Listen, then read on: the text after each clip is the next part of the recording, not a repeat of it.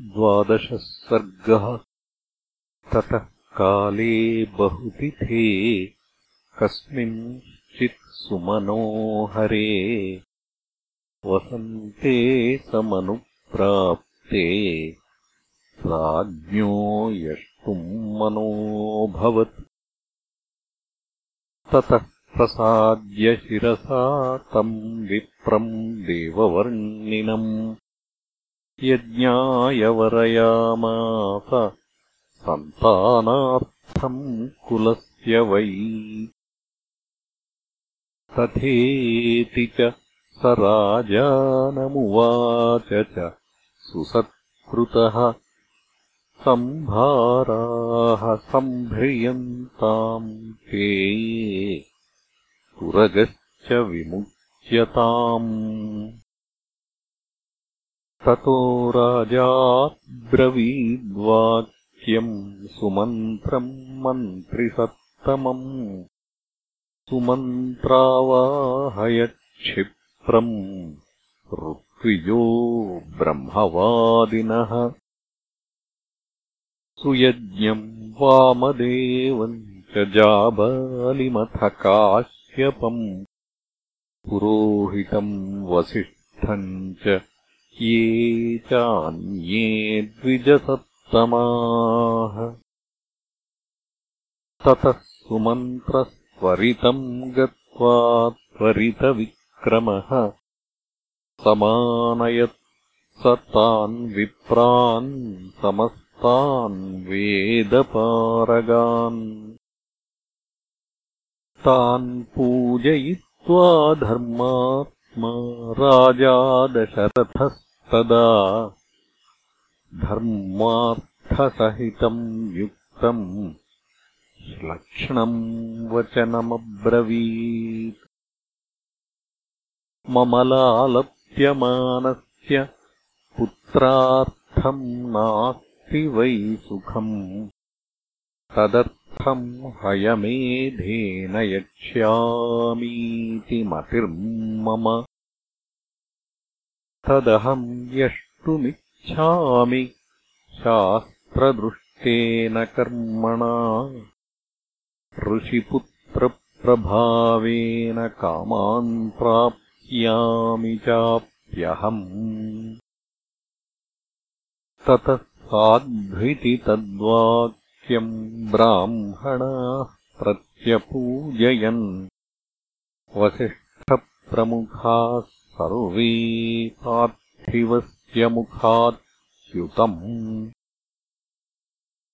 ऋष्यशृङ्गपुरोगाश्च प्रत्यूचुः नृपतिम् तदा सम्भारात् सम्भ्रियन्ताम् ते तुरगश्च विमुच्यताम्। सर्वथा प्राप्यसे पुत्र चतुरोमितविक्रमान्। यस्य ते धार्मिकी बुद्धिः इयम् पुत्रार्थमागता। ततः प्रीतो भवद्राजा श्रुत्वा तद्विजभाषितम्। अमात्याम् चाब्रवीद्राजा हर्षेणेदम् शुभाक्षरम्। गुरूणाम् वचनाच्छीघ्रम् सम्भाराः सम्भ्रियन्तु मे।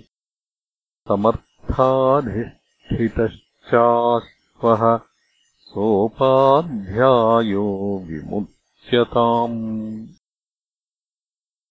सरैवाश्चोत्तरे तीरे यज्ञभूमिर्विधीयताम् शान्तयश्चाभिवद्धन्ताम् यथा कल्पम् यथाविधि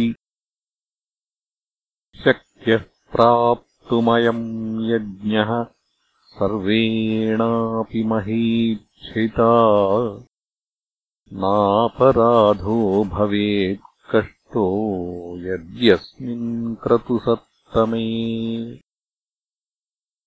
छिद्रम् हि मृगयन्तेऽत्र विद्वांसो ब्रह्मराक्षसाः। निहतस्य च यज्ञस्य सद्यः कर्ता विनश्यति।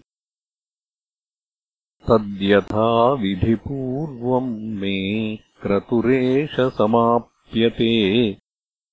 तथा विधानम् क्रियताम् समर्थाः करणे विह। तथेति च ततः सर्वे मन्त्रिणः प्रत्यपूजयन्। पार्थिवेन्द्रस्य तद्वाक्यम् यथा ज्ञप्तमकुर्वत ततो द्विजास्ते धर्मज्ञमस्तुवन् पार्थिवर्षभम्। अनुज्ञातास्ततः सर्वे पुनर्जग्मुः यथागतम्। गतेष्वथ द्विजाग्र्येषु मन्त्रिणस्तान्नराधिपः विसर्जयित्वा स्वम् वेश्म प्रविवेशमहाद्युतिः।